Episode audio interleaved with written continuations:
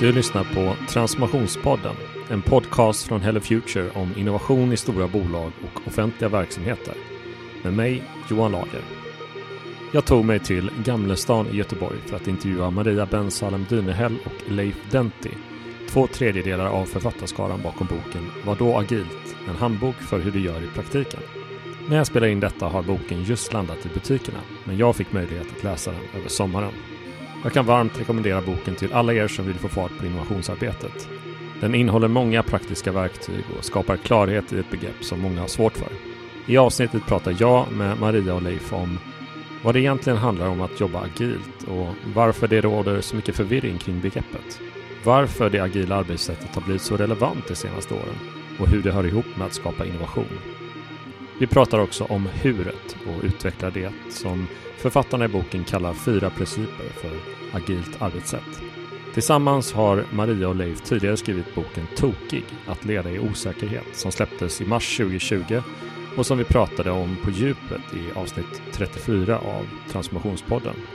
Detta och många fler avsnitt om hur man jobbar praktiskt, strategiskt och systematiskt med innovation hittar du på hellofuture.se transformationspodden. Nu över till samtalet med våra gäster. Ja, men eh, jätte, jättekul att äh, äntligen vara på plats här i, på Yesbox, äh, Gamlestan i Göteborg. För att spela in den här podden med, med er, Maria mm. och Leif. Vi kan ju göra så att vi gör en enkel liten så introduktion. Maria, du har ju varit med i podden flera gånger tidigare. Så att för de som har lyssnat på podden så, så kommer de känna igen dig och vi kommer röra oss lite i samma typ av begreppsvärld och så som vi gjort tidigare. Vi hade en, ett avsnitt där vi faktiskt pratade om en bok som ni har skrivit mm. tidigare då som heter Toki, att det är osäkerhet, avsnitt 34 för den som vill lyssna på det. Men Leif, det mm. har vi ju lite fått vänta på då sen vi spelade in det här avsnittet. och då fick vi inte med dig. Det, det, var, det är alltid svårt att få ihop uh, allas kalendrar. Men mm. uh, berätta lite grann om uh, vem du är. Ja, vilken bra fråga. Ja. Vem, är, vem, är, man egentligen? det är som oraklet i Delphi eh, uppmanar oss till att lära oss känna oss själva. Mm. Men eh, jag, jag, kan berätta vad jag jobbar, jobbar med ja. i alla fall. Eh, och eh, då har jag alltid haft den här liksom, idén om när jag var doktorand att försöka ha en, ett ben i akademin. Uh, för det är där som kunskapen finns. Liksom. Det finns massvis med forskning kring innovation och kreativitet och hur, hur man ska göra det, de här sakerna. Och sen vill jag ha ett ben i den så kallade verkligheten också. Mm. Uh, så att jag kan förstå vad som är mm. viktigt och vad, man, vad som bekymrar folk och vad som händer uh, liksom runt omkring. Mm. Så att uh, den filosofin har jag alltid kört på. Så då jobbar jag 50% på universitetet, på Göteborgs mm. universitet. på psykologiska institutionen där. Mm. Och sen har jag en egen låda där jag typ, jag, mer eller mindre gör det jag tycker är roligt. Liksom. Ja, det det bra. Det Bra kan vara, kombinationer. Ja, men typ så. Det, som att sitta här till exempel. Ja. Mm. Uh, ute och föreläser massvis mm. om de här frågorna. Jag konsultar och håller på liksom. Så att, det, ja, jag leker också en hel mm. del under den tiden. Ja. Undersöker nya AI-verktyg och lite kul. Så att, allt möjligt, här, allt möjligt som jag, mm. jag, tycker är kul. Så att, mm. Skulle du kalla dig psykolog? Nej, jag är ingen Nej. riktig psykolog. uh, jag är uh, vad heter det, beteendevetare. Liksom. Ja, så att, uh, man läser ett antal kurser mm. i psykologi och då är, då, då är de oftast eh, vad ska man säga, vinklade mot, vad ska man säga, inte klinisk psykologi mm. utan mera vanliga människors mm. psykologi om man säger. Mm. Eh, och så i och med att jag drivs av någonting som jag kallar för kulkompassen. Mm. Eh, som in, innebär att man egentligen aldrig vet vart man kommer hamna i livet. Mm. Men så länge man har kul så är det liksom okej okay mm. att inte veta sånt. Uh, så att då har jag hela tiden liksom borrat mig djupare och djupare i det jag tycker är intressant. Uh, så att så här, psykologi, sen blir det arbetspsykologi, mm. sen blir det det här med kreativitet, innovation. Mm. Och så skrev jag min avhandling på det. Och så där, va? Just det. så att, uh, det är hela tiden så jag jobbar. Du har hamnat lite i innovationsfållan nu, mm. tänker du? Ja. Det var ganska kul och liksom följt den här utvecklingen. Då. Jag började forska 2009 mm. och uh, följt liksom hur offentliga sektorn har tagit sig an det här begreppet. Och Uh, gått igenom vissa faser kan jag identifiera. Liksom. Ja. Först var det liksom vad är innovation, förvirring kring det. Och sen var det sådana saker som uh, varför ska vi ha innovation? Mm. Och sen var det, okej, okay, hur ska vi göra då? Huret kommer kanske 2018, 2019. Liksom. Sådär. Ja, det brukar, vi... brukar landa där till slut. Där. Ja, Man måste precis. börja in på de där detaljerna också. Ja, så att, ja. Eh, och så försöker jag liksom leverera in eh, den här kunskapen eh, när folk behöver den. Liksom. För att det, det, är ju så vår förståelse funkar. Vi, först så vill vi veta varför jag ska förstå något. Mm. Sen så vill vi veta vad det är och sen till slut hur jag ska göra. Så att någonstans där. Mm. Liksom. Jätte, jätteroligt att du är uh, med och naturligtvis superkul också att Maria återvänder ska vi säga och mm. VD Drivhuset Göteborg jobbat med entreprenörer i 20 år mm.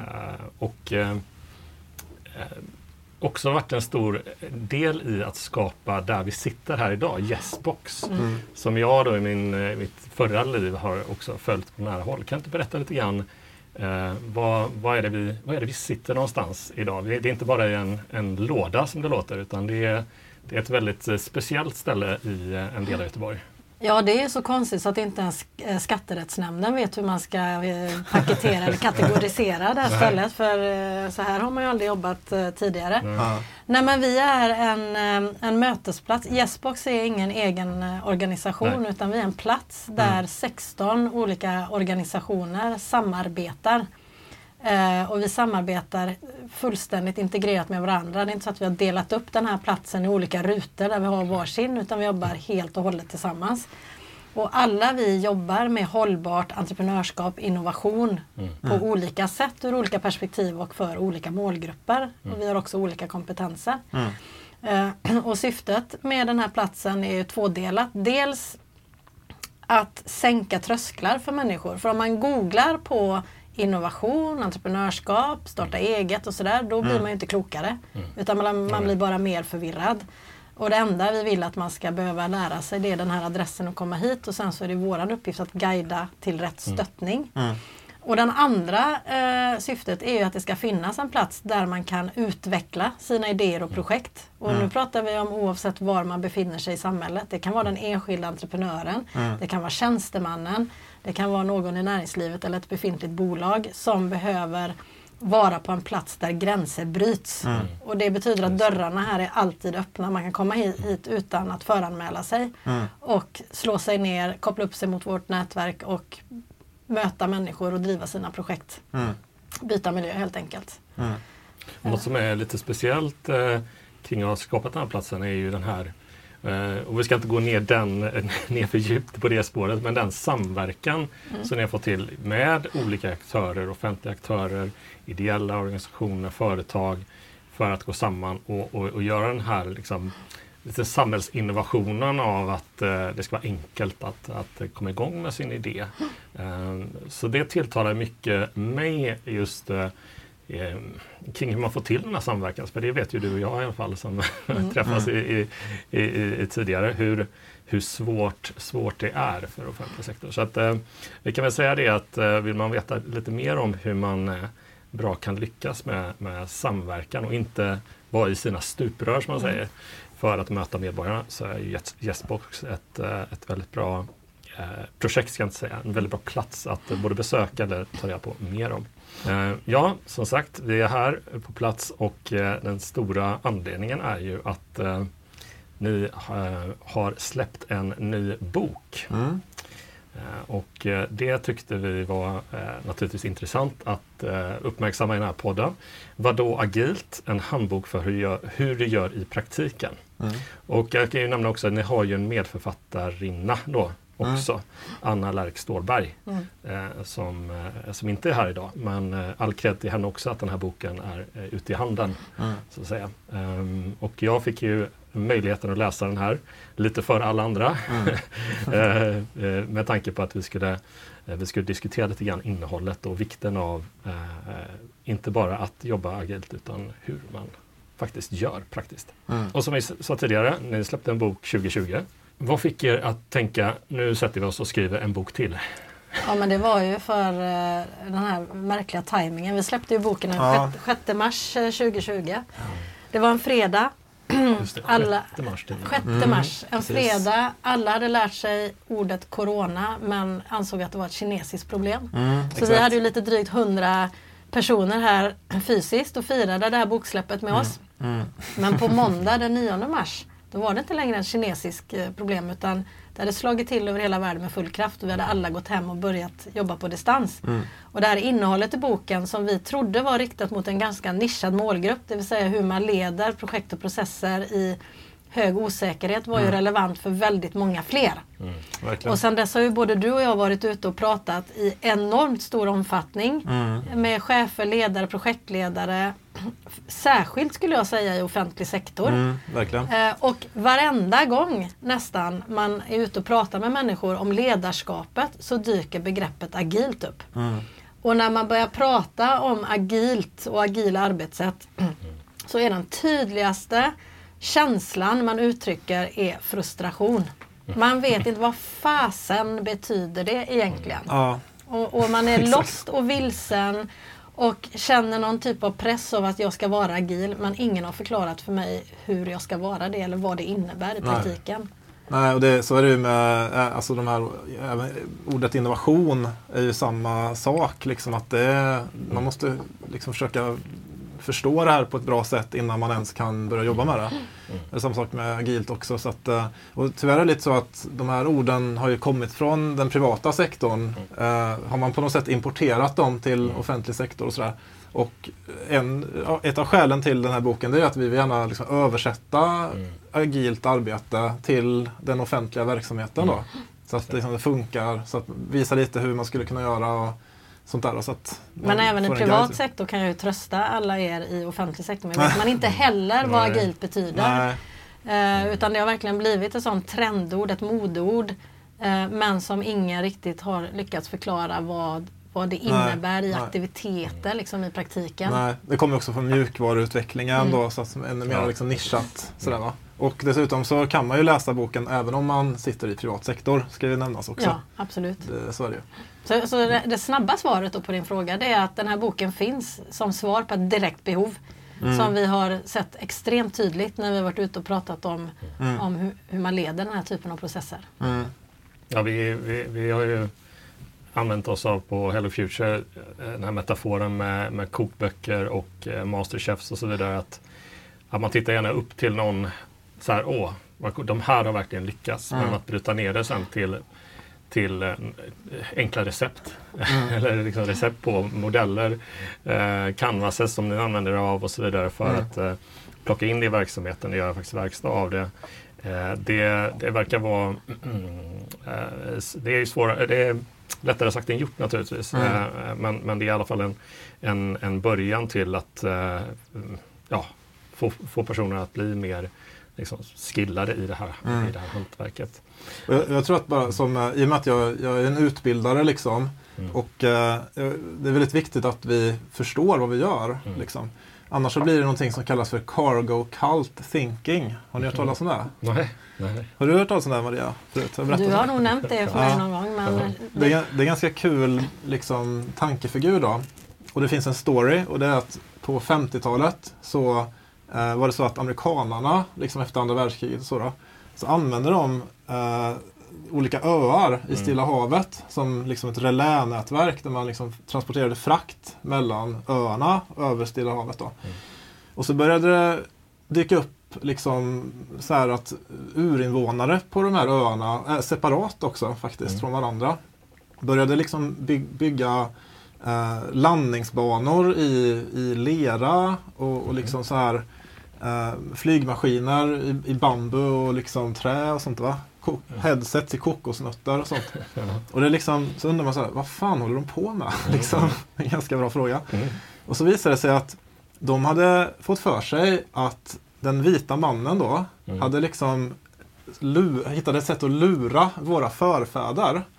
Eh, som då är de här stora flygplanen då som kommer ner från skyn. Det Ah. är liksom stora fåglar som kommer ner med de här liksom fantastiska skatter då liksom Mm, mm. I, i, i lastutrymmet.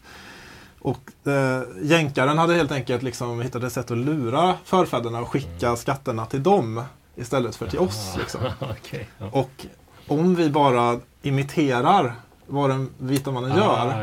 Mm. då kommer de här fantastiska skatterna att eh, liksom trilla ner hos oss istället. Mm. Om, vi, om vi också bygger landningsbanor och flygledartorn. Och, alltså ni, sök på Google, nej, sök på eh, Cargo Cults Ja, ja. och kolla på de här olika.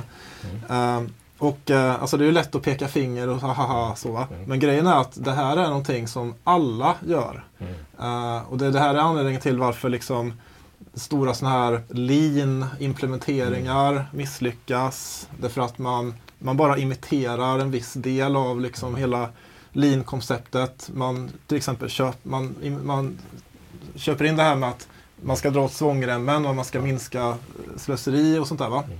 Men själva eh, människofilosofin, den eh, skiter man i. Liksom. Att faktiskt bemyndiga människan på golvet. Liksom. Det där var inte så viktigt. Mm. Och då faller ju allting. Eh, Just in time, ytterligare en sån här exempel på att man har kopierat över liksom, Toyotas logistikmodell Mm. med Just in time. Men sen så struntade man i att kopiera just vad Toyota gör. De har ju ett lager med komponenter då. Och det, det, det, det ska vi inte vi ha. Liksom. Och så har vi supply chain problematik då, när allting brakar samman. Mm. Så att det är så vanligt att man sysslar med cargo cult thinking Mm. eh, och då blir det liksom bara liksom, vad ska man säga, att sminka en gris eller det blir någon slags skyltfönster-effekt. Så att Ja, nu, ska vi också jobba med innovation eller agilt och så förstår man inte riktigt vad man, varför man gör det eller vad man ska göra. Så När att- man kopierar aktiviteter alltså som låter agilt. Ja, precis. precis. Eh, innovationslabb är väl en typisk sån aktivitet. Mm. Så att, men vi har innovationslabb, därför är vi agila. Men det beror ju helt på hur man Ja. driver sitt Mm. innovationslabb. ja. Om det faktiskt också skapar värde på riktigt i efterhand eller om det bara blir en aktivitet där vi sitter och genererar idéer. ja, verkligen. Ja. Ja, det är, Eh, jag tycker det är, det är, jag tänkte bara snabbt där att det är väldigt populärt också i offentlig sektor att man då vill kalla det något speciellt, Mm. alltså Ja. innovationslabb och så vidare. Mm. Så går man ut till ett medelstort företag i Sverige någonstans eh, inom medelstor stad som är väldigt innovativa. Alltså, ja. Ja, här verkar ni ha ert innovationslabb. Vad innovations vad då? Ja, ja. no, det är det här, det här vi experimenterar med nya grejer. Typ. Alltså, ja, där ja. sker det ofta, liksom, eh, visst det kan heta så också, men, eh, men det sker ofta liksom bara, ganska spontant och det har liksom växt fram organiskt olika typer av processer. Man kanske låter in saker. Men, Mm. eh, vi är nog lite rädda för att göra det. Vi vill gärna sätta en titel på det och visa det att okej, Ja, här gör vi det. Eh, och, och naturligtvis det är, eh, både finns positivt och negativt att göra det. Eh, där Mm. man då, det ni pratar om, det är ju det här begreppet vi återkommer också i podden med innovationsteater. Så att ett, mm, mm, det mm, verkar vara mycket rörelse på ytan mm, mm. eh, och man kanske anställer personer med den här kompetensen men de hamnar i kläm för att ja, det, det, det funkar bara en kort, alltså stubinen blir kort att säga eller tiden för att det faktiskt eh, fungerar blir kort för organisationerna har inte liksom riktigt är inte riktigt anpassad. Nej, att- precis. att precis. Mm. Man, man integrerar inte arbetet med innovation med resten av verksamheten på ett bra sätt. Eh, Men sen tycker jag att det är viktigt att ha den, den typen av funktioner, att man faktiskt bygger upp eh, centrum av kompetens Mm. i en kommun, en Absolut. myndighet, region. eh, Så att verksamheten kan bygga upp en Ja. kunskapsbas, en kompetens. Mm. Och även att de här som jobbar där kan själva åka ut och utbilda så att vi sprider arbetsmetoderna och så Mm. vidare. Det är jätteviktigt att man gör det. Det blir ett slags brofäste liksom, Mm. in i organisationen. Då.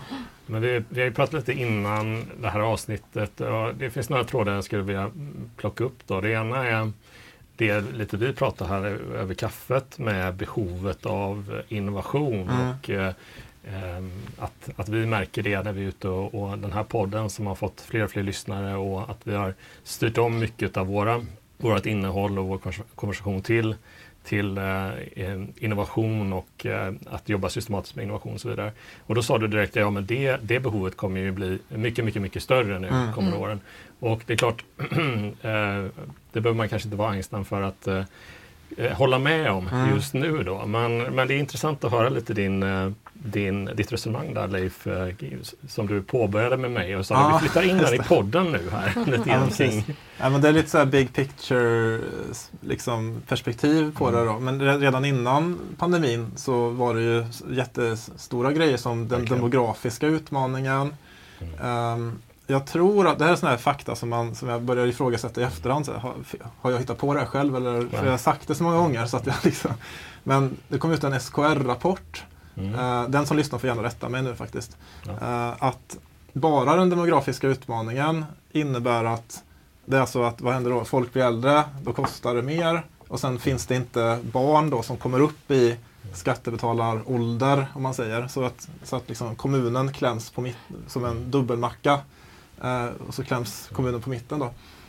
Bara den innebär att kommunerna behöver öka sin kommunalskatt med 11 mm. procentenheter mm. Enligt den här rapporten. Uh, som jag inte längre vet vad den heter och så vidare. Nej, men det, det, finns en rapport. ja. Tror jag. uh, men det är, en, det är liksom liknande sådana siffror ja. som vi snackar om. Och det är ganska, bara det är ju en jättestor mm. utmaning. Okay. Och sen har vi kompetensförsörjningsutmaningen. Uh, den var också mm. innan pandemin. Sen kom pandemin och nu har vi en, en e energikris. Mm. Och det vet ni vad som händer med... Alltså energi är ju grunden för all aktivitet i samhället. Mm. Allt, verkligen. Mm. mm. Vi sitter här, det är uppvärmt. Uh, vi, vi, har bilar utanför, vi transporterar saker. Mm. Så att om priset på energi ökar, då mm. ökar priset på allt, verkligen. Uh, och det innebär att kommunerna kommer få ökade kostnader. Bara det rakt av. Och sen så kommer ju troligtvis, vi har ju sett mycket nu för tiden, rapporter om företag som är tvungna att lägga ner eller mm. de ligger, i, ligger i, liksom precis ja. inför att lägga ner och sådär. Så kommer vi, då kommer vi få arbetslöshet, ännu mindre intäkter för den offentliga sektorn. Då. Mm. Uh, och just det, energikrisen är ju av det slaget att det finns inga quick fixes utan mm. vi snackar liksom tio år här innan vi kommer att få bukt med det. Så allting det här som jag har nämnt mm, nu mm. leder ju till att den offentliga sektorn kommer pressas ännu mer hårt på att hitta liksom, olika lösningar där man kan fortsätta bedriva sin verksamhet, man kan leverera ett värde till medborgaren mm. men kanske med, till en mindre kostnad till mm. exempel. Och det, går ju, det går ju liksom inte att förvalta sig fram Nej, till precis. de här nya lösningarna. Och det är så här, förvaltande processer eller målstyrda processer är ju det som som har präglat offentlig sektor i, i, under väldigt, väldigt lång tid. Och det, ja. det finns ju skäl till det också för det handlar ju mycket om att att förvalta skattemedel helt enkelt och inte riska dem på, på oseriösa projekt. Den debatten har vi ju särskilt haft i, i Göteborg men mm. också i andra kommuner. Här ska vi inte hålla på och experimentera mm. och hålla på och fjanta runt och flumma utan här ska vi vara ordning och reda och policies och riktlinjer förutom mm. lagstiftningen. Mm. Och samtidigt då så står vi inför de här gigantiska samhällsutmaningarna. Mm. Men vi kan inte lösa dem genom målstyrda förvaltande arbetssätt utan vi måste också inte tänka vad riskar vi i form av skattemedel om vi testar? Utan vi mm. måste tänka istället, vad är risken om vi inte provar ja, någonting nytt? Precis. Den risken är betydligt större. Mm. Och jag tycker också att det är det vi har sett, den här äh,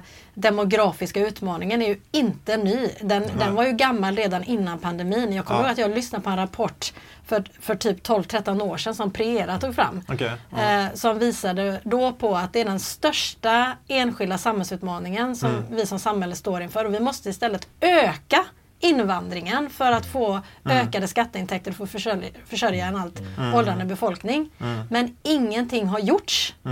Mm. För att man har inte vågat testa nya angreppssätt utan vi har, vi har liksom fortsatt business as usual och nu är det ju helt tvärtom. Nu ska mm. vi istället eh, minska mm. ja, ni fattar vad jag menar. Mm, mm, mm. Eh, så, och jag tror att fler och fler inser det nu inom offentlig sektor att det här funkar ju inte. Vi måste samarbeta över gränser, mellan mm. stuprör, mellan förvaltningar, mellan förvaltningar och kommunala bolag och näringsliv och civilsamhälle. Samverkan eh, är det fulaste ordet jag vet därför att det är ett ord som bara står på policies och papper och läggs i byrålåda men mm. ingen har lärt sig hur mm. gör man det? Det är ett verb. Mm. Liksom. Eh, det är faktiskt ett verb att samarbeta och så blir det massa konflikter och osäkerhet och så blir människor istället passiva och rädda. Um, så att, ja. därför är det ju otroligt viktigt, precis som du var inne på, att, mm. att människor förstår varför ska vi ta risken att prova någonting vi inte har gjort tidigare. Mm. Eh, och hur gör man? Ja. Så att man kan gå från idé till handling och faktiskt se till att det mm. sker förändringar och förbättringar ja. i verkligheten där ute. Det finns ju sån här felrädsla där ute också. Man vill inte göra fel och så. Mm. Uh, ett tips jag har faktiskt, jag har kört det här ganska mycket senaste två åren. Uh, det är att uh, man sätter sig ner i sin ledningsgrupp då och eh, så gör man två listor. Den första listan är, all, det här är röda fel som vi absolut inte får begå. Helt enkelt. Mm. Det kan vara att vi ska inte riskera att bryta mot lagen, vi ska mm. inte riskera någons hälsa eller säkerhet uh, och så vidare. och så vidare. Det är röda fel. Och sen gör man en till lista och då är det gröna fel på den mm. listan. Mm. Och det kan vara saker som att liksom, ja, vi fick en sur insändare i, tidning, i lokaltidningen. Mm. Liksom. Uh, det kan vara att journalisterna ringer och undrar vad vi håller på med. Uh, eller vad det nu kan vara. Ett projekt går över tid, går över budget. Det är tråkigt om det händer, liksom, de här gröna felen. Vi ska försöka undvika dem också. Men vi måste definiera ut vilka fel som är så att säga, acceptabla för oss. För att om vi inte gör det, då blir det som det är i ganska många kommuner faktiskt, att alla felen är röda. Mm. Uh, så att ja, det blir förlamning helt ja. enkelt. Och jag tror ju att det är väldigt viktigt att det går ända, hela vägen upp till den politiska nivån. Ja, det är där jag tror att felet ligger. Att det, spelar ingen, det är väldigt svårt att som tjänsteman, även om man är i liksom, kommunledningen, våga ta den risken om inte mm. det också är förankrat eh, i den politiska nivån. Därför ja. att misstag på tjänstemannanivå blir oftast politisk ammunition. Ja. Ja. Och då är det någon som offras och det är ju oftast då tjänstemännen. Så därför är det otroligt viktigt att även politiker, alltså i nämnder och styrelser, kommunstyrelser och sånt, förstår konsekvenserna av mm. att jobba målsökande och agilt. Mm. Till, och vad mm. det är för skillnad eh, utifrån det förvaltande perspektivet. Mm. Och att man mm. accepterar, inte bara accepterar utan faktiskt också uppmuntrar och stöttar då bakslag när de kommer. För det, det kommer ju komma. Allt kommer inte bli supersuccé. Eh, nio av tio grejer kanske blir total fails. Mm. Men det, måste, det, det, blir ingen succé utan de här nio failsen. Mm. Och då måste de också backas upp politiskt. Så att mm. ja, det blev inte som vi hade tänkt. Men mm. vi lärde oss det här. Så nästa gång så kommer vi göra på ett annat sätt ja. istället. De det som... är totalt avgörande för att det ska funka. Verkligen. Och de som har fattat det här, de som är framgångsrika och förstår hur man ska förhålla sig till misstag och fel. Det är ju att de ser ju liksom utveckling som en en flerstegsprocess, liksom en stapplande mm. process. Man mm. stapplar sig framåt. Och det är inte bara ett försök vi gör huruvida vi lyckas och misslyckas. Utan vi testar flera gånger mm. framåt i tiden. Och då blir det så att om vi misslyckas första försöket, då har vi massvis med bra lärdomar mm. från det. Mm. Vilka dörrar som vi inte ska gå igenom nästa försök. Mm. Uh, så vi måste se det som en liksom, flerstegsprocess snarare än liksom ett, och, ett enda. Alla våra böcker, Leif, bygger på alla våra fails. Det är ja. så vi har lärt oss. Det hade inte funnits några böcker mm. om inte vi hade misslyckats så många gånger och lärt oss what not to do. Ja, verkligen. Vad funkar och vad funkar inte beror på att vi har misslyckats. Ja. Men jag brukar säga så här, eh, det blir alltid bra till slut. Och är det inte bra så är det inte slut. Och det är lite grann samma sak med agila processer. Men om du direkt ger upp när du går på en mina, mm. nej nu gick det åt skogen ja då kommer du misslyckas. Ja. Istället för att se det som ett vägskäl istället. Okej, den här, det här gick inte. Vi får mm. svänga mm. och testa ett annat sätt för att komma framåt. Mm. Hej, Johan Lager här som bryter in lite kort i det här poddavsnittet. Jag sitter med min kollega Per Lundgren som jobbar med vårt nyhetsbrev, transformationsbrevet. Jag ska tänka Per att du skulle få berätta lite grann. Vad är transformationsbrevet? Ja, men tack Johan, det kan jag göra. Transformationsbrevet är vår möjlighet att fördjupa innehållet från podden i ett nyhetsbrev. Så det är någonting som kommer varannan vecka i den som prenumererars inbox.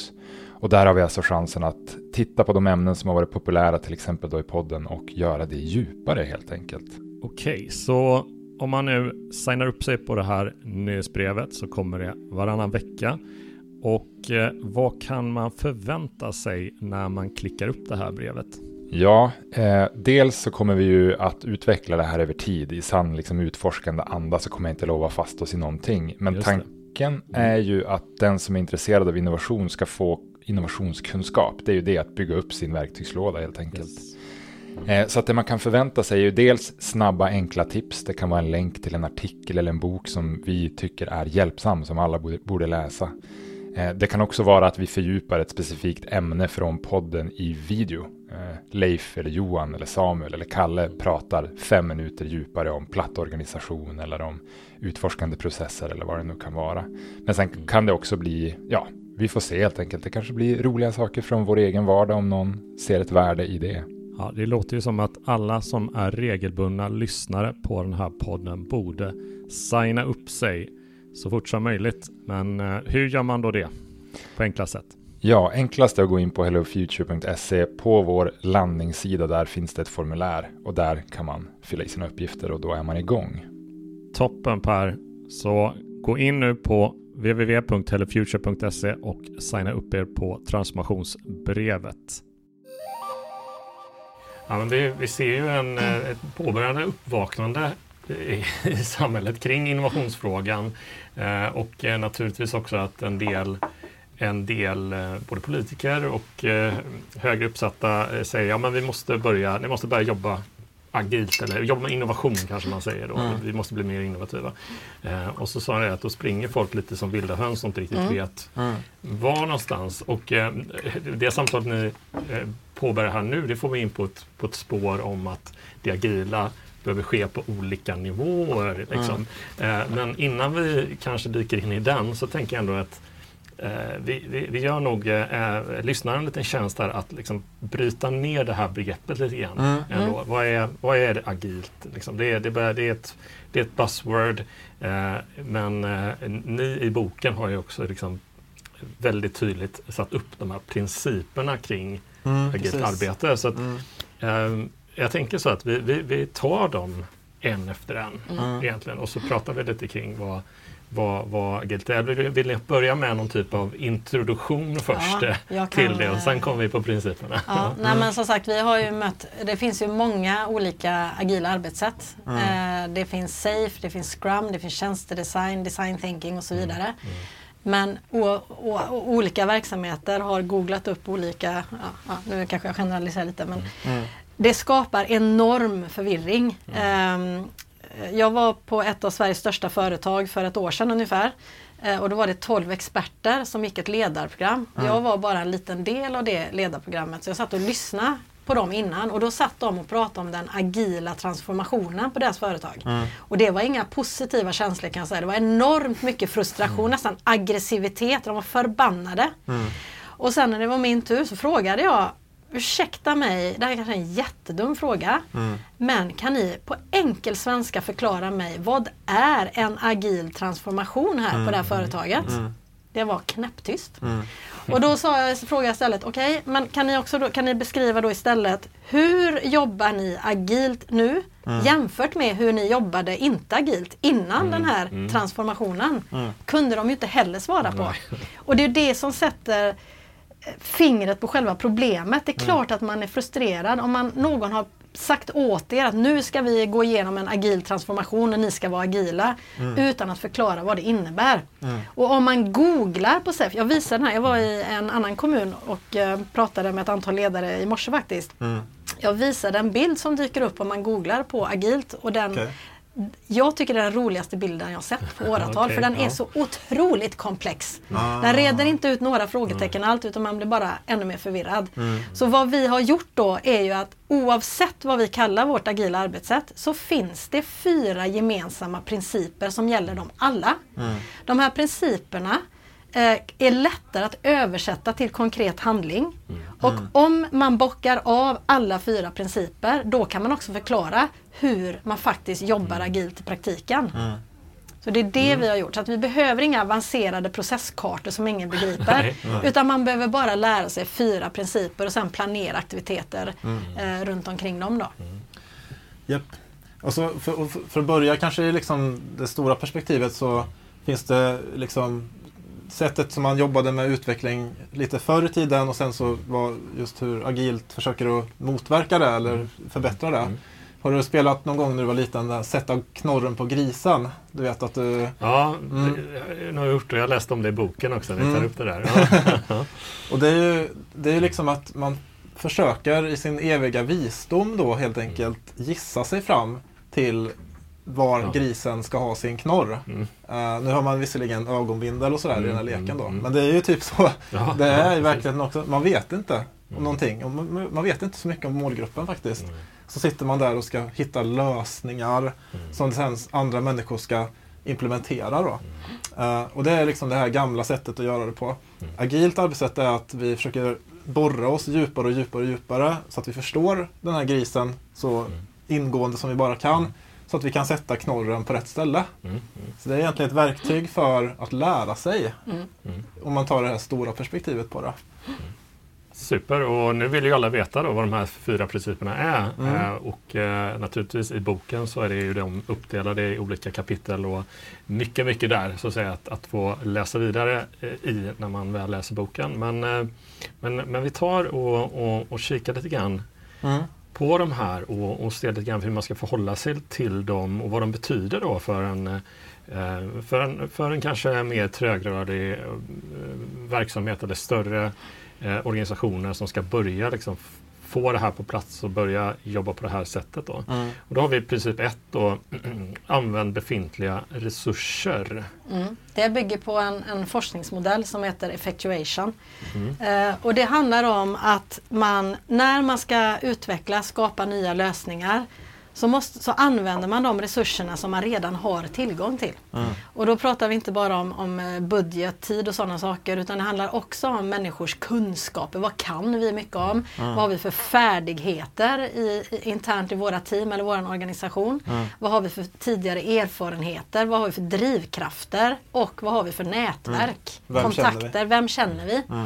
Eh, och utifrån de här, och då måste man först synliggöra de resurserna. Mm. För de flesta ser inte vilka resurser de har. Så vi måste först kartlägga och synliggöra dem för att sen klara av att använda dem. Mm. Genom att kombinera dem på olika sätt och på så sätt skapa nya värden mm. och stora värden. Motsatsen skulle ju vara då till exempel att nej, vi ska ha ett innovationslabb. Och så kläcker vi jätte jättespännande idéer. Men sen kan vi inte börja agera på de idéerna utan vi måste mm. först skaffa oss massa resurser som vi inte har. Det är motsatsen till att vara agil. Mm. Och sättet att skaffa sig fler resurser enligt den här modellen då, effectuation, det är att man samarbetar med andra. Mm. Samarbeta som i ett verb. Mm. När jag lägger ihop mina resurser med Leif, då får vi ett lyckligt äktenskap mellan forskning och eh, praktik, eller hur? Mm. Exakt. Eh, för att ingen, de andra har andra resurser än vad vi själva har. Precis. Så kartlägg, synliga befintliga resurser, kombinera dem på nya sätt för att skapa nya värden. Mm. är den första principen. Mm. Det, så det är viktigt för att, så att vi kan åstadkomma någonting helt mm. enkelt. Och andra principen är att vi ska verkligen gå ut med förstoringsglaset mm. och uh, förstå den som vi ska skapa värde för. Mm. Det kallar vi för att loopa. Ja. Det kommer från en, en, gammal bok som du har skrivit Maria. Ja, jättegammal. Den är åtta år faktiskt. Ja. Det är också ett agilt arbetssätt som vi har utvecklat tillsammans med Chalmers. Mm. Men det handlar om att interagera med målgrupperna som vi ska skapa värde för i målsökande agila processer så kan vi inte styra med hjälp av en plan. Mm. Det går inte. Utan vi måste istället använda våra målgrupper eller intressentgrupper, mm. vad vi nu kallar dem, som GPS. Mm. Det är de som måste ge oss den information, kunskap och vägledning vi behöver för att navigera oss framåt i den här oförutsägbara processen. Mm. Så den här interaktionen med omvärlden är central och både motor och roder i den agila processen. Mm. Vi sitter inte i konferensrummet och gissar oss fram till nästa steg utan varje steg triggas igång av någon slags input från eh, de vi ska skapa värde för helt ja. enkelt. Och som ett konkret jag menar, när vi har skrivit boken, vi hade ganska svårt att hitta en titel ja. och undertitel till den här boken. Så då, är det så här, då fastnar man liksom i den frågan. Mm, mm. Det kan låta som ett banalt exempel men ändå. Nej, Och vad, vad, var det för det första vi kom på? Ja, vi, loopar. Vi loopar mot uh, målgruppen. Ja. liksom. Och så, vad var det vi gjorde? Vi tog fram ett antal alternativ. Ja, så fick folk rösta. Och sen så fick vi också värdera vem har röstat på vilket förslag. För vi, vi valde ju då att loopa eh, primärt, eller vi, vi jämförde LinkedIn och Facebook. Mm. Och det blir ju olika målgrupper mm. och sen får man ju fundera på vem ger feedback. Det här är också väldigt viktigt i en agil process. Mm. Eh, kapitel 8 som handlar om att loopa är det längsta kapitlet i hela boken för det finns så många fallgropar. Mm. Att fundera på vems feedback värderar jag högre än någon annans. Mm. Men vi fick göra ett antal då pivoter som är princip nummer tre. Ja. Eh, på vägen fram. Förenkla, förenkla och sen så landade vi i ett resultat då. Men det var ju inte vi som, som tyckte att vi var... Jo, först tyckte vi att vi hade jättekreativa roliga ja, eh, titlar men eh, vi blev motbevisade av våra ja, vi målgrupper. Faktiskt, vi fick på eh, boom boom fick vi tänka om och tänka ja, annorlunda. Och det där är ju en konst på ett sätt. Man måste faktiskt äh, lära sig mm. det. Att mm. äh, släppa sina älsklingar. Mm. Och det, det är det som är princip nummer tre då, pivot. Mm. Pivot är ju att vända på sig lite mm. som en sån här vad heter det, sån här passare på mm. kartan om ni vet. Ja, man, svänger, man svänger runt. Jag tror, heter det ens passare? Det var så länge sedan jag använde en sån. Bra fråga. Ja, men, men ni, ni eh, jag tror folk ser, man, man gör 360 graders ja, cirkeln där då. Mm. Uh, och uh, svänga från, uh, från 0 till 180. Mm. Och göra det relativt odramatiskt liksom. För vi, hade, vi var kära i någon undertitel som var typ så här så fan gör du eller vad, vad var det nu var? Ja, någon, ja, någonting med flum också. Flum och ja. sånt va. Okay. Men det där fick ju vi släppa. Liksom. Uh, så att uh, det är viktigt att man har den mognaden också att faktiskt efter, efter ett tag, det, och det kan vara jättejobbigt. För att man kan ju faktiskt ha undersökt ett visst spår i flera månader. Mm. Och sen så upptäcker man att fasen, eh, det här var ju inte, det är troligtvis inte alls eh, det vi ska göra här nu. Och då ska vi släppa flera månaders arbete och börja loopa på mm. nytt mot eh, kanske en ny målgrupp eller med en ny idé. Mm. Och sådär, va? Det är jättejobbigt att komma till det beslutet. Mm. Men det är så mycket lättare sagt än gjort och därför så måste man göra snabba pivoter mm. och inte då eh, första hindret eh, köra ner i diket och så tänker man det vi ger upp, vi har misslyckats. Mm. För då, då dödar vi vår bebis mm. all, allt för tidigt och det är sorgligt. Ja, verkligen. Och sen har vi då den fjärde principen. Den första principen var använda befintliga resurser. Den andra principen var använd din målgrupp som GPS, mm. interaktion. Den tredje mm. principen eh, ändra riktning. Så handlar den fjärde principen om att testa i liten skala genom hela ja. processen. Mm. Alltså inte, oh nu har vi världens bästa idé, så sitter vi i våran verkstad Mm. eller konferensrum och så gör vi klart allting och sen så bestämmer vi att vi ska lansera mm. den här lösningen med buller och brak och hoppas på att det blir lyckat. Mm. Med väldigt stor risk för att det inte blir det. Eh, utan istället så ska vi så fort vi har den första versionen av en idé, då ska vi fundera på hur kan vi testa den mm. mot målgrupp.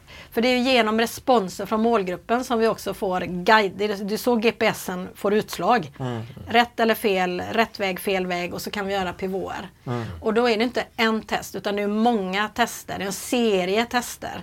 Och jag vet ju att många som jobbar med innovation, vi, vi kallar det för minimum viable koncept i boken. Mm, det bygger på någonting som tidigare, eller som för de allra flesta är minimum viable product. Men alla utvecklar inte produkter så därför har vi ändrat till koncept. Men många eh, jobbar ändå med MVP som det kallas då. Men mm. man gör det väldigt sent i processen. Mm. Alltså man, man, har missat det här att testa måste vi göra från början. Mm. Inte sen när vi nästan har slagit fast hur en produkt eller tjänst eller lösning ska se ut och då visa den. För om det då visar sig, då är risken ännu större för confirmation bias. Att vi ställer frågor så att vi blir bekräftade. Men om vi lyckas ställa frågor utan confirmation bias och får eh, upptäcker då att vi har gjort helt fel, då blir det fruktansvärt jobbigt. Då har vi på riktigt slösat massa resurser i onödan. Mm.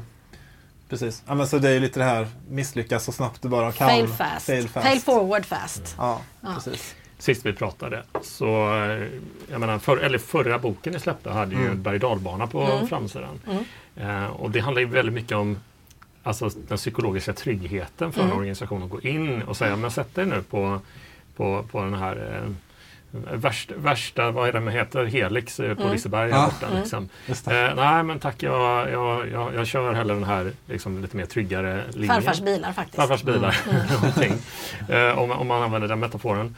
Så tänker jag liksom, vi har ju, får ju ett problem på något sätt i att börja tänka cirkula, eller liksom i loopar. Mm. Eh, vi, vi, vi, det tar emot, det gör att vi blir lite extra stressade. Det blir att vi blir lite ja, det är mycket osäkerhet man mm. behöver naturligtvis som, som ligger i alla de här principerna och så vidare. Jag tänkte eh, Leif där som, som ändå jobbar på psykologen. Här, mm. vad, vad, vad beror det på? Liksom, varför har vi svårare att liksom, angripa bara ja men nu, nu ser det ut, nu ser processen ut som som en loop, liksom, som en liggande åtta här och sen för varje steg så är det liksom små loopar också så att det är inte liksom eh, det, det, det, är väldigt, det kan bli väldigt rörigt och det, jag tror det är därför också att när man nu googlar eh, liksom, innovationsprocesser och så vidare så får du upp ganska så här mm. eh, ja, jobbiga bilder ja, av att det, det, det, är, krok, ja, det är krokar och, och ja. det liksom sticker överallt. Eh, och man kanske vill välja den med enklare berg och dalbanan till att börja med. Mm. Eh, så att man inte liksom kastar sig ut i, i, de, eh, i de värsta liksom, mm. fritt fall. Ja, men precis. Ja, men det, det är en fråga med många svar. Dels så har ju vår personlighet något med det att göra. Liksom. Det, vissa kan tycka det kan vara väldigt eh, spännande och, och stimulerande att befinna sig i sådana här miljöer där man inte vet riktigt. Och sådär, va? Tror du är så kanske Maria? Jag har ju tränat upp den förmågan. Ah, okay. ja, det strider ju mot mänskligt, äh, mänskligt psyke, man får men det går ju att träna upp. Det, ja, men det gör det ju. Mm. Precis. Och sen är det de som får ångest av att vara för mm. mycket i osäkerhet och så. Uh, men det går att träna upp helt klart. Mm. Och uh, en grej som jag tycker är så här vettig att ha i bakhuvudet lite, det är att skilja på innehållsosäkerhet, som vi beskriver det som, och processosäkerhet. Mm. Uh, så jag kan ta ett annat exempel här från universitetet. Då. Mina studenter skriver ju uppsats. Mm. Liksom. Och där är det ju så att de vet inte vad de kommer få för svar. När de, de, de har ingen aning liksom, vilket resultat de kommer få i sina enkäter och intervjuer. Mm. Och de vet inte vad de ska skriva om sen i själva uppsatsen och sånt. Va? Innehållet är osäkert för dem. Men processen är inte osäker. Den, är, den har de fått eh, studera i liksom 7,5 poängs metodkurs. Liksom. Mm. så att, och sen har de handledning och sådana här saker. Så att det finns en uh, uppsatsmall och mm. allt det här. Va? Så att själva processen är jättetydlig för vad de ska göra. Då, så, att säga. Uh, och så att så länge vi kan hålla processosäkerheten på en rimlig nivå, då kan man klara av innehållsosäkerheten då, helt mm. enkelt. Mm. Det blir lätt för mig att riffa på den och säga att ja, men, den här berg och dalbanan den är, den är prövad och den är säkerställd på alla punkter. Ja, du, du, kommer inte vara, du behöver inte vara rädd för att det kommer gå någonting fel här. Nej, precis. Men sen när man väl sätter sig den så, så, är det läskigt så, så, är det läskigt ändå. Men, ja. Eh, ja. Men det handlar också om, om, vad man har för förväntningar. Därför tycker jag det är viktigt att, att skilja på det här med innehållsosäkerhet och processosäkerhet och prata om det innan man börjar. Mm, att mm. förankra den här innehållsosäkerheten, det vill säga vad ska resultatet bli? Den osäkerheten kan vi inte påverka. Nej. Den måste vi acceptera och förankra och berätta för människor att den är naturlig. Ja. Det är inte konstigt heller att du blir frustrerad och osäker och rädd. Mm. Eh, för att vi inte vet vad resultatet ska bli. Men du måste acceptera att det är så. Vi kan inte påverka det. Vi får köpa läget. Ja. Men däremot måste vi ha minimal osäkerhet vad gäller processen, det vill säga hur man gör. Ja. Det räcker då till exempel inte att komma där som, som ledningsgrupp och säga till sin organisation att nu ska ni jobba agilt, varsågod och kör igång. Nej. Utan man måste förklara på vilket sätt Eh, och det är så man får en rimlig nivå av osäkerhet. Mm. Men om både hur ska vi jobba och vad ska det leda till är maximal osäkerhet kring, mm. då klarar människor inte av att hantera det. Mm. Då blir man passiv, rädd och får i vissa fall till och med alltså, extremt starka negativa känslor. Eh, och då, då klarar man inte av att prestera. Så att en rimlig nivå. Och det handlar ju också om ledarskapet. Man, man kan inte nog eh, överskatta ledarskapets betydelse mm. för att, att skapa bra förutsättningar för den här typen av processer. Mm. Nej, för jag tänker på det, när, när, nu då innovationståget går eller banan går nu när vi alla ska med och mm. innovera och tackla stora samhällsutmaningar som vi varit inne på tidigare mm. och, och äh, möta både kommunal nivå och på kommunnivå och så vidare, äh, myndighetsnivå. Mm så vill vi inte få några år senare liksom ett, ett gäng utbrända innovationsteammedlemmar och ledare Nej. som har, både de som leder de här osäkra processerna känner sig att de eh, fått jobba med för stor osäkerhet eller mm. för, för höga krav på sig och även Precis. medlemmar. För vi, som du sa, vi vill utnyttja resurserna i organisationen. Mm. Så vi vill plocka in inte bara de som säger att men jag är duktig på innovation eller jag är väldigt kreativ. Utan mm. vi vill ha sakkunniga, vi vill ha jurister, vi vill ha alla möjliga kompetenser i den här processen. Och då måste vi hitta ett sätt eh, att eh, att kunna involvera människor mm. i jobba agilt. Och då blir det också en organisationsfråga. Vi brukar säga att det krävs, ju, eh, det krävs ett ledarskap, det krävs ett arbetssätt och det krävs en en kultur mm. som främjar innovation och kulturen påverkas också om hur du organiserar dig. Mm. Eh, och det skriver vi också om i boken. Första delen av boken handlar om kontexten, alltså hur kan man då organisera sig? Mm. Ett väldigt vanligt sätt, jag har sett många exempel på att man gör när man känner så här, oj vi måste nog också tänka lite nytt och ha lite innovation. Vi startar en liten separat avdelning där borta. De får ta hand om det. Men då blir den avdelningen väldigt begränsad och ofta får de inte tillgång till befintliga resurser. Det vill säga eh, princip nummer ett annat. Mm. Då säger den avdelningen att nej, men nu behöver vi ha stöd av, av juristen där borta på den mm. avdelningen och så säger den juristens chef, nej det är min jurist. Han har inte tid att jobba med era flum projekt där borta.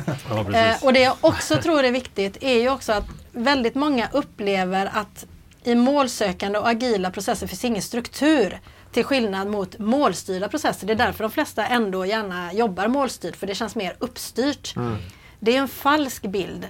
Det agila arbetssättet är ju precis lika strukturerat. Mm. Det är bara det att de flesta inte känner till den strukturen. Mm. Så för att minska osäkerheten så, och för att, som en sa till mig i morse som jag tyckte var briljant, hur undviker vi tomtebloss och får en stjärnhimmel istället? Mm. Det handlar om då att synliggöra den här strukturen och att den är så enkel att förstå så att jag kan följa den strukturen mm. oavsett om jag jobbar som jurist eller på golvet eller vad jag nu har för roll i organisationen. Mm. Eh, och det här att vara enkel är mycket svårare än att vara komplex. Mm.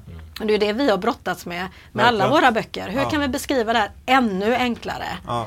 Det handlar mm. väldigt mycket om förväntningar och att människor har rätt förväntningar och att man pratar om vad kan jag förvänta mig och vad kan jag inte förvänta mig när vi arbetar på det här sättet. Mm blir det också lättare att hantera de här jobbigare situationerna. Skapa psykologisk trygghet för ja. medborgarna att mm. Eh, veta det. Men det är, det är faktiskt väldigt uh, uppstyrt. Ja. Men sen tror jag att uh, bara att, att göra det här, alltså att jobba agilt uh, eller att man väljer en, man behöver inte följa vår bok, man kan välja tjänstedesign också. Mm. Jag tycker det är ett jättebra sätt. Det är ganska likartat. bara att göra det i sig tror jag skapar gratis kultur. Mm uh, i rätt riktning då. Mm. Därför att det är inbyggt i de här metoderna att man ska stappla sig framåt. Mm. Uh, och tänka om och testa och ta in input som visar att man hade fel. och sådär, Så att man liksom gör de här sakerna som är så viktiga. Uh, så att man får en hel del gratis. Jag tror att, mm. jag, jag har ju sagt det förut ganska mycket men jag har liksom ändrat mig. Jag, jag, trodde, jag får ofta frågan liksom, vad är viktigast? Är det kultur eller är det struktur? Mm. Och då trodde jag att kultur var viktigast för mm, några, mm. liksom, tio år sedan. Men jag har ändrat mig. Jag tycker faktiskt att strukturen är viktigast mm. nu. Uh, för att om vi börjar jobba enligt de här metoderna så kommer vi att också göra kulturen. Exakt, jag liksom. håller med till 100 procent på köpet. Ja. Om det mm. finns då uppbackning ja, från precis. ledningen. Det Annars blir det en väldigt, om man blir bestraffad när det inte blir som man tänkt, då blir det ingen positiv kultur. Nej, Men då, får vi heller, då kommer inte den här strukturen heller hålla. Nej, nej, så, är det. Eh, så att jag håller med verkligen. Så ledningen och kanske politiker också mm. måste ju kanske förstå och utbilda sig i liksom, vad, vad, som, vad är det här arbetssättet, vad, hur funkar det, mm. vad kan vi förvänta oss?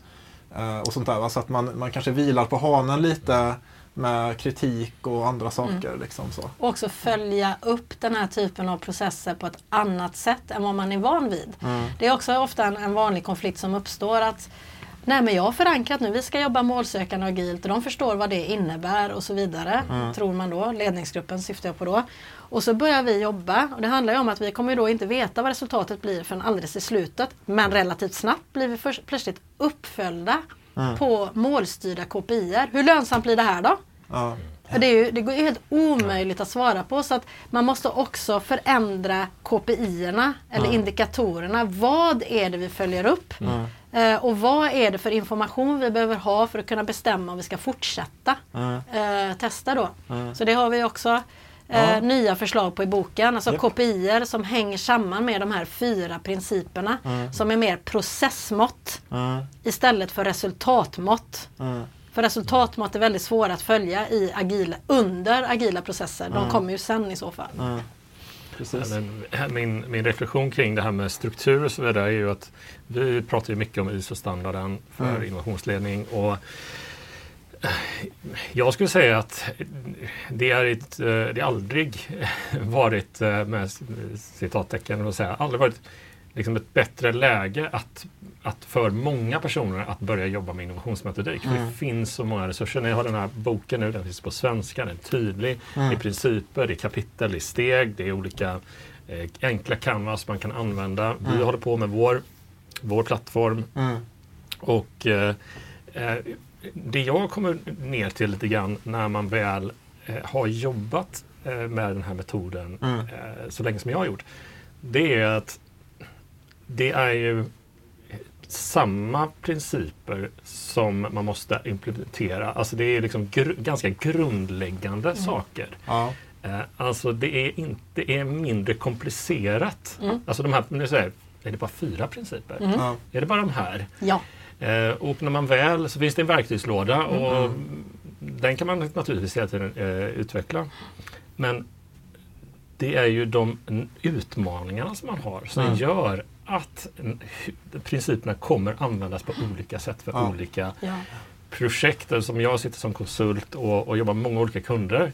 Vi använder egentligen ganska basic mm. eh, liksom, eh, steg och eh, som sagt var det är strukturerat, det är på plats. Det är inte så häftigt och flashigt som, som folk kanske förväntar sig när man pratar innovation. Men det blir det i liksom, when the rubber hits the road. Mm. I samklang med de människor som kommer in i processen, eh, de utmaningarna mm. och de olika, liksom, som ni är inne på, pivoter, alltså när vi mm. ändrar riktning. Eh, så, så blir det naturligtvis väldigt spännande och intressant. Men det gör också att det handlar väldigt mycket om att vi måste tänka och göra, fylla det med innehåll. Mm. Vi måste fortfarande, vi, liksom, vi får inte någonting gratis av strukturen så att säga, mer mm. än, eller gratis, men det är själva arbetet som, som, som måste läggas ner i slutändan. Mm. Det tror jag kan vara, liksom, kanske förhoppningsvis lite, lite befriande mm. att prata om. Att liksom, Okej, okay, fundera inte jättemycket på, på liksom strukturen. Den mm. är inte så komplicerad. Mm. Utan fokusera på att göra grovjobbet. Mm. För att sen när du är ute och pratar med din målgrupp, mm. och sitter jag ju nu med en del, och så, så kommer det in jättemycket information. Mm. Och från olika håll. Mm. Från olika personer jag pratat med. Och sen ska ni sitta och analysera det här och hitta de här insikterna och vrida och vända på det. Jag menar, det är där det här grovjobbet mm. Det är det som är det svåra. Det är det som är det svåra. Ja. Att liksom, i, efter man har gjort en, ett analysjobb som kanske tagit några månader, så att vi är bara framme i samma enkla grejer, vad folk mm. vill. Vi har inte sett någonting, liksom, vi, har inte, vi har inte hittat någon vinkel på det här. Mm. Okej, okay, ja, då kanske vi ska idégenerera då för att komma ur den här analysfasen lite grann. Eh, och börja testa lite saker. Ja, vad fick vi för information där? Och så är det liksom runt i den här, eh, i den här processen som där eh, där man måste bara in och eh, slita lite grann. Mm. Faktiskt. Eh, Men det är återigen som, ungefär som begreppet samverkan. Mm. Eh, vi kan ta begreppet innovation. Det är aktivitet, det är ett verb, det är att mm. göra. Mm. Och ofta när man pratar om innovation så det är nästan så att man, man lyfter upp det på en pedestal så det ska det vara så himla avancerat också, ja, unikt. Ja. Vi pratar om tre horisonter till exempel i boken. Ja. Eh, och det ska på något sätt uppstå Eh, på något magiskt sätt med, med hjälp av de här avancerade modellerna som ingen mm. begriper. Mm. När i själva verket så handlar det bara om att få människor att veta vad ska vi göra som leder fram till nya tankar och idéer som skapar värde. Mm. Men det är action som gäller. Ja. jag brukar jämföra med, det är ungefär som att lära sig att köra bil. Du kan inte lära dig att köra bil genom att läsa körkortsboken eller ens sitta i passagerarsidan. Du måste kasta dig ut och göra saker och uppleva saker och uppleva den här frustrationen och osäkerheten mm. för att faktiskt förstå vad det handlar om. Mm. Mm, Men det är ju det är människor som gör det och, då, och, därför kan man inte, som du var inne på förut, bortse från hur människor upplever det här. Att man kan mm. inte ignorera osäkerhet, frustration, rädsla, ångest. Nej. Utan man måste bemöta och ta hand om det för att få till den här psykologiska tryggheten. Som inte är samma sak som bekvämlighet. Absolut. Det är inte samma sak. Jag pratade med mina kollegor lite grann inför det här avsnittet och mm. Eh, kom faktiskt in på det här lite körkortsmetaforen. Då. Mm. Okay. Eh, och de som lyssnar på det vet att jag gillar metaforer. Det kommer mm. inte bli, eh, bli av med. Och då vi, för vi, vi pratade med en, en kund för några år sedan, behöver inte nämna några namn, eh, som hade lite problem med vår tjänstedesignutbildning och då försökte vi säga det att man måste faktiskt, eh, om man ska lära sig köra bil, mm. så behöver man ju liksom parkeringsplatsen först. Mm. Alltså vi behöver göra grunderna. Eh, och då var det lite inne på det här med var tog vi körkort? För jag bodde uppe i, eh, i Västerbotten eh, under ett par år mm. och tyckte väl det att den som tog körkort i Lycksele där det finns en mm ett övergångsställe med ljus. Mm. Har lite liksom lättare för, liksom förutsättningar än jag som slet här inne i, i Göteborg och Majorna och spårvagnar och allt möjligt. Mm. Men och naturligtvis tar jag körkort Eh, och får, om jag får körkort och så veckan därpå så åker jag till San Francisco Mm. eh, och jag hyr en bil och så kör jag runt omkring San Francisco. Det kommer ju vara liksom ett, du kommer behöva använda precis samma principer som Mm. du gör i, i Lycksele på parkeringsplatsen och det Mm. eller Göteborg för den delen. Men du kommer, hit, du kommer stöta på helt olika typer av Mm. utmaningar för att Mm. klara den situationen.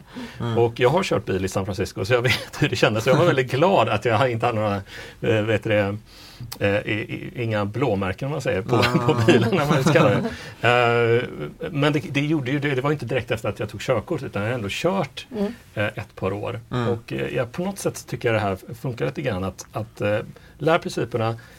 Test, om det är så att, att ni känner er lite osäkra, kör inte, den, den, eh, kör inte Helix-modellen på Liseberg utan kör liksom eh, Ta parkeringsplatsen, Mm. Mm. kör i mindre orter.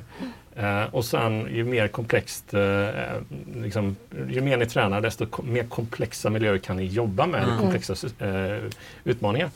Eh, Verkligen. flyger den eh, metaforen lite grann? Jag tycker det är jättebra. Det, det handlar också om det här med komfortzonen. Vi brukar ju alltid säga att du måste ta det stegvis. Mm. Alltså om du försätter en alldeles för komplex situation eh, för snabbt, då hamnar du istället i frustration. Mm. Alltså frustrationszon eller the panic zone som vi pratar om. Och då blir du också handlingsförlamad. Mm. Det handlar ju om att, att, att eh, det handlar också om att träna upp sin förmåga att hantera osäkerhet. Och det är därför det blir lättare. Det är alltid värst i början. Mm.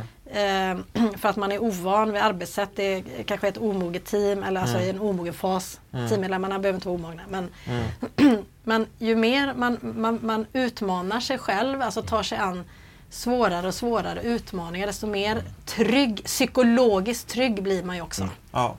Eh, även om, om uppgiften blir svårare så, så klarar man bättre av att hantera det. Mm. Jag brukar också jämföra agila arbetssätt med att köra bil till eh, Nordstan i Göteborg. Mm. Nu kanske inte alla lyssnare här bor i Göteborg men de flesta vet kanske det att det, är- ja, det är ganska jobbigt att köra bil i Göteborg. Mm-hmm. Eh, och Göteborg är för tillfället norra Europas största stadsutvecklingsprojekt. Största labyrint Största labyrint. Och eh, jag brukar köra ganska ofta till Nordstan och parkera för där finns det alltid parkeringsplatser. Men jag vet det fasen aldrig helt säkert hur jag ska ta mig dit. Jag kan Nej. ha en plan eller en idé. Så här, jag ska köra den och den vägen. Men väldigt ofta så är det plötsligt en grop där eller Ja. avspärrat där. Då kör ju inte jag rakt ner i gropen och parkerar och ger upp. Och nej, det blev ingen eh, Nordstansbesök idag. Utan Nej. jag får ju svänga. Och ibland blir det väldiga omvägar. Ibland har jag varit ända bort i Majerna och vänt. Men jag kommer alltid till Nordstan. Mm. Jag kanske inte kommer på eh, exakt den våningen jag hade tänkt eller precis den parkeringsfickan. Men jag kommer fram. Syftet blir uppfyllt. Mm. Men hur jag kommer dit är liksom högst osäkert längs, längs med vägen. Då. Och det är precis samma sak med agila processer. Så länge vi har ett tydligt syfte. Mm. Det är ju inte alla som har det i och för sig, men vi kan ju börja där då. Varför gör vi detta? Vad är det någonstans vi vill uppnå? Mm. Så, så kommer vi att landa där om vi bara har uthållighet och är beredda att göra tillräckligt många svängar. Ibland köra tillbaka i rondellen och, och så vidare. Så exakt. kommer vi komma fram. Ja, men, och det är det som är så fint med det, tycker jag. Och jag, jag gillar det du sa också Johan om eh, det här med komplexiteten i arbetssätten och så. Och att, jag tycker att alltså, i vår bok har vi ju liksom ganska djupgående verktyg och beskrivningar av av, alltså exakt så, vilka frågor du ska ställa och sånt där liksom, till, och när du loopar. Eh, Men egentligen så eh, kan man också bara skala, ner, skala av allting ner till de här fyra principerna och liksom använda dem. Vet man det att ja, men, okej, vi har fastnat, eh, då, kanske, då är det loopa vi ska göra. Liksom, samla in information. Uh, okej, vi, vi vet inte hur vi ska vi, gå vidare. Men då kollar vi resurserna. Har vi liksom, något vi har saknat där? Hur kan vi fixa nya samarbeten? Men, finns det forskare på universitetet vi kan ringa? Och, liksom, hur kan vi få in nya resurser på det här sättet? Eh, så att man hela tiden vet vad man ska göra i något av de här stegen. Då. Så att man kan göra det komplicerat och stort men också göra det väldigt enkelt bara genom, genom att veta principerna. Och det finns, eh, eh, jag gillar ett, ett sånt här talesätt som en gammal organisationspsykolog som heter Kurt Levin sa Mm. eh, en gång i tiden. Han sa att det finns ingenting så praktiskt som en god teori. Mm. Vad kan han mena med det tror ni? En god teori. Ja, hjälp. Det finns ingenting så praktiskt som en god teori. Alltså en, om man har en bra teori, då har man en bra karta Mm. över vad man ska göra. Och då blir det väldigt praktiskt helt plötsligt. Mm. Har man en dålig karta, då svänger man fel i den här Nordstans labyrinten. Mm. Mm. Eh, utan En god teori är de principerna som faktiskt gör arbetet praktiskt, mm. Mm. Uh, vad ska man säga, effektfullt. Då. Mm. Nej, men det, det, jag, jag, jag, tror jag förstår liksom det här, det, det, det som eh, den här um, och det, det du försöker, försöker säga där är att praktiken och teorin här eh, den samverkar ihop väldigt ja. väl. Så att säga, I att, eh, att du i och med att du börjar titta på teorin så känner du att det går liksom inte att läsa.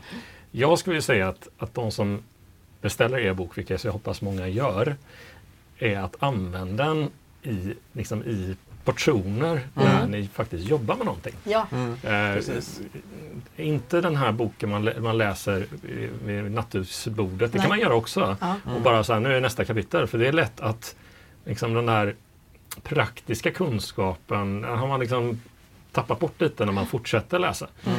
Så att det, därför så är det mer att kunna navigera att ja men nu, nu är vi här, mm. Eh, då tittar vi här. Och så, Exakt, för det var, ja. vi hade mm. problem att sätta titeln, vi hade ännu större problem med att sätta dispositionen. Mm. Vad kommer i vilken ordning? Det fanns, och, och vi höll på med det hur länge som helst tills vi insåg att Vet du varför det är svårt? Därför att vi skriver om agila arbetssätt, de är inte linjära. En bok är linjär. Kapitel 1, 2, 3, 4. Så vi skriver till och med om detta i förordet. Att ni måste, man ska läsa den här boken agilt. Vad, har, vad gör det ont på mig nu?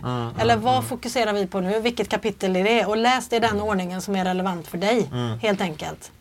För att om man läser, man varsågod och läs från kapitel 1 till kapitel 12. Men då blir det nästan information overload. Mm. Det blir för mycket tror jag. Mm. Eh, och då blir det väldigt komplext återigen. Mm. Om jag ska, ska jag lära mig allt detta nu? Eh, mm. ja, utan se det mer som en, en Ja, men din portabla coach, okej okay, nu måste vi fundera, nu ska vi loopa. Då läser mm. vi kapitel 8 och där finns massa eh, tips på detaljnivå som man kan använda sig av om man behöver eller skita i det och loopa så som man tycker. Mm. Men det kan ändå vara bra att läsa om fallgroparna, är ändå mitt tips. Mm. kanske till nästa gång kanske ni ska göra en, en, den här typen av variant av bok som, som jag läste när jag var yngre. Mm.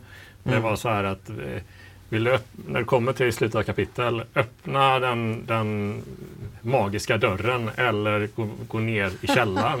ja, och så, så här, ja, men, eh, har ni inte läst en sån bok? Det finns det med någon, någon serie på Netflix som, där man kunde göra så man kunde bestämma vad karaktären skulle göra. Då. Ja, det är kul. Öppna ja, dörren ja. eller skippa det eller gå ut. Liksom, eller vad det var. Ja. Eh, och då kunde man ju liksom välja då två alternativ. Och då var det så här, om du öppnar dörren så gå till kapitel 12. Om du går ner okay. i källaren mm. så mm. gå till kapitel 8. Mm.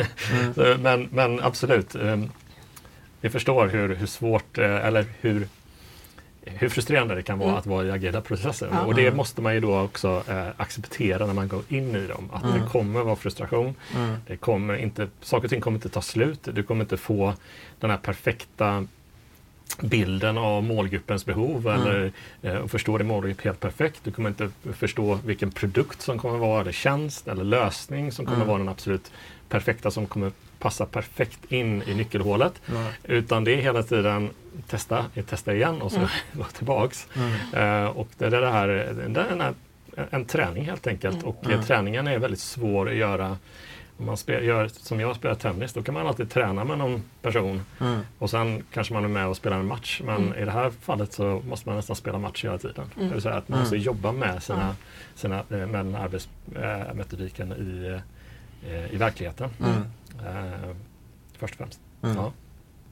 Något mer som eh, eh, ni vill nämna nu som, som ni tycker att ha, det här eh, vill vi lyfta utifrån att eh, någon lärdom? Du sa det att, mm. Maria, du sa det tidigare, vi har gått på så många misstag i att vi har mm. gjort de här böckerna och mm. vi har jobbat med den här metodiken och försökt eh, liksom, undervisa den här metodiken. Är det något sånt där ni vill lyfta upp? Någon, någon... Jag kan lyfta en fallgrop då, mm. som är väldigt vanlig och det är förstudiefällan Leif. Mm, just det. Alltså det är återigen att understryka att det här är någonting man lär sig genom att göra. Mm. Men väldigt många då som står inför ett projekt eller en process, vi ska skapa någon ny lösning som inte finns och sådär, upplever väldigt mycket osäkerhet för man känner att jag har inte all information jag behöver. Nej. Så därför så Och så blir jag osäker och så börjar jag läsa på istället. Jag läser rapporter, studier, utredningar. Det finns hur mycket som helst man kan läsa. Men det kommer inte leda dig framåt i processen.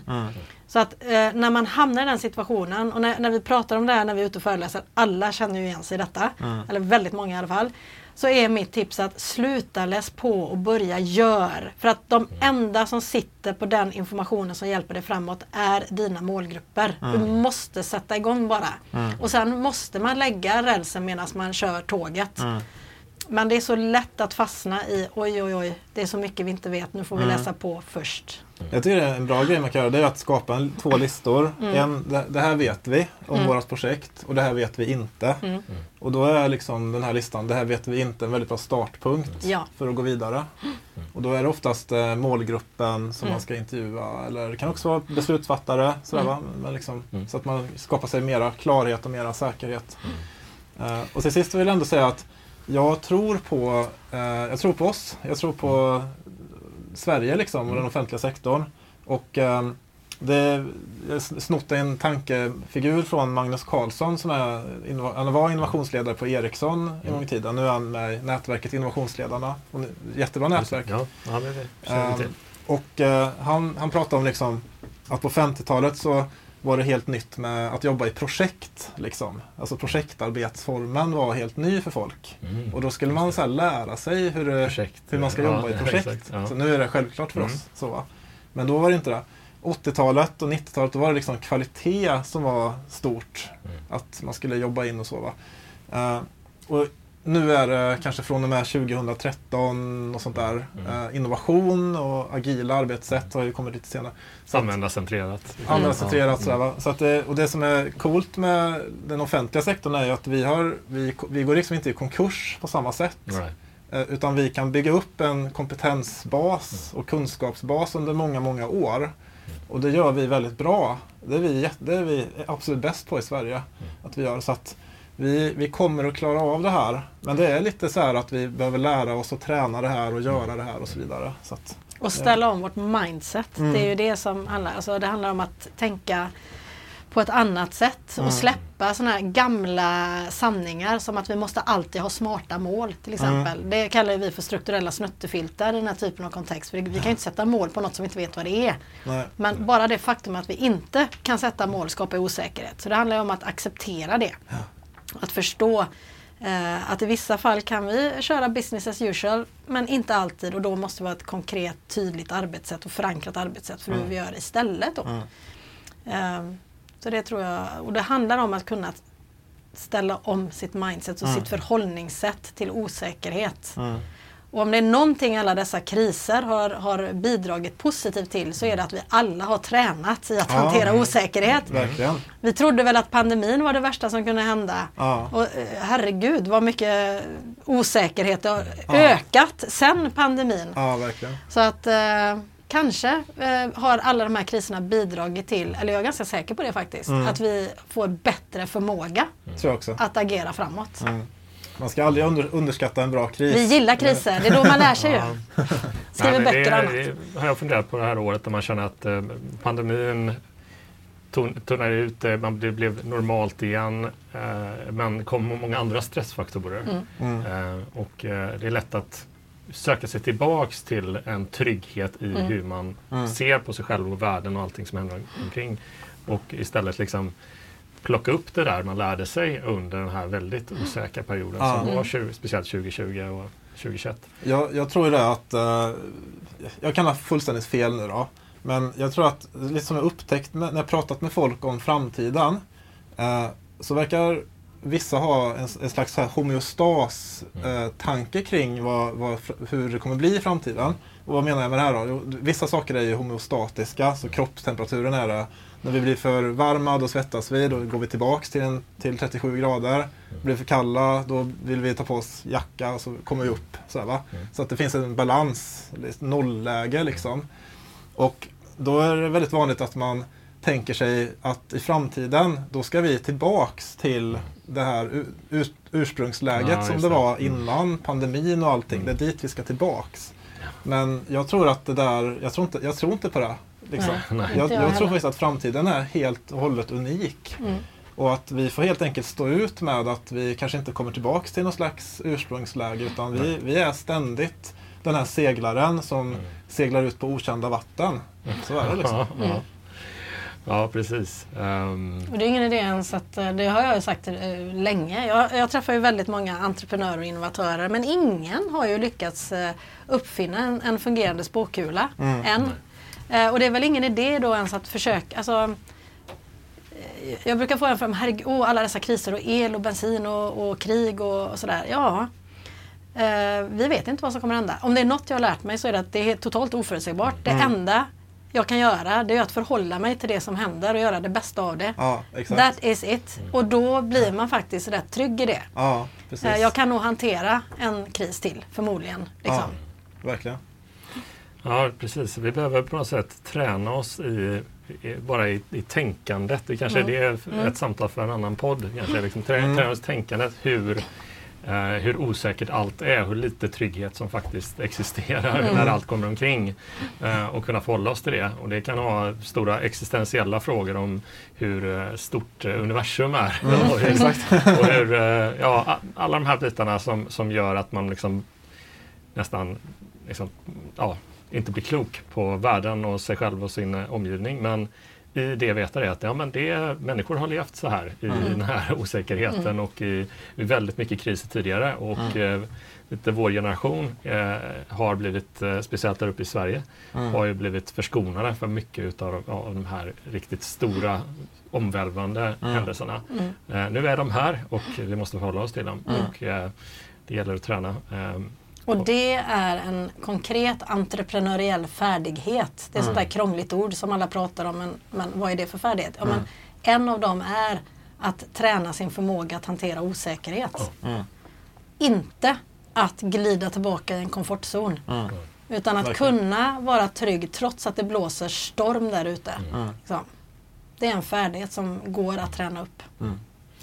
Mm. Och eh, vad då Agilt-boken är ett eh, väldigt bra träningsverktyg mm. att ta mm. fram. Eh, både praktiskt då som vi sa i projekt men också som eh, hantlar och mm. benböj och allt möjligt. Mm. För att träna sin, sitt sätt att jobba osäkert och eh, eh, kunna svänga och och agera på ny information mm. hela mm. tiden eh, i sina projekt. Och eh, vi är övertygade om att eh, ska det bli innovation mm så är det den här vägen vi, vi, vi måste gå. Mm. Eh, helt enkelt. För det går inte att planera sig till mm. någonting nytt på det sättet. Ja.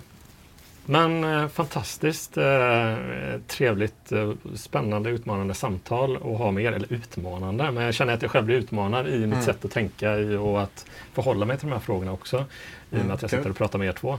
Och, eh, vi, vi hoppas att det är många som beställer er bok och att ni får höra röster från läsare mm. om vad de tycker, hur de har använt boken och att det har blivit praktik av det. Um, och vi får väl ta och uh, jag tänker i alla fall uh, att uh, vi har haft en tradition att göra en podd per år. Mm, I like att, it. vi kanske ses här om ett år igen då, mm. 2023 och så mm. tar vi uh, något annat spännande ämne mm. som, som rör det här. Mm. Ja. Tack så mycket. Tack så jättemycket för att jag fick vara med igen. Ja. Mm. Och för alla som lyssnar så eh, kommer det ut ett eh, avsnitt av Transformationspodden om ytterligare två veckor. Då hörs vi igen.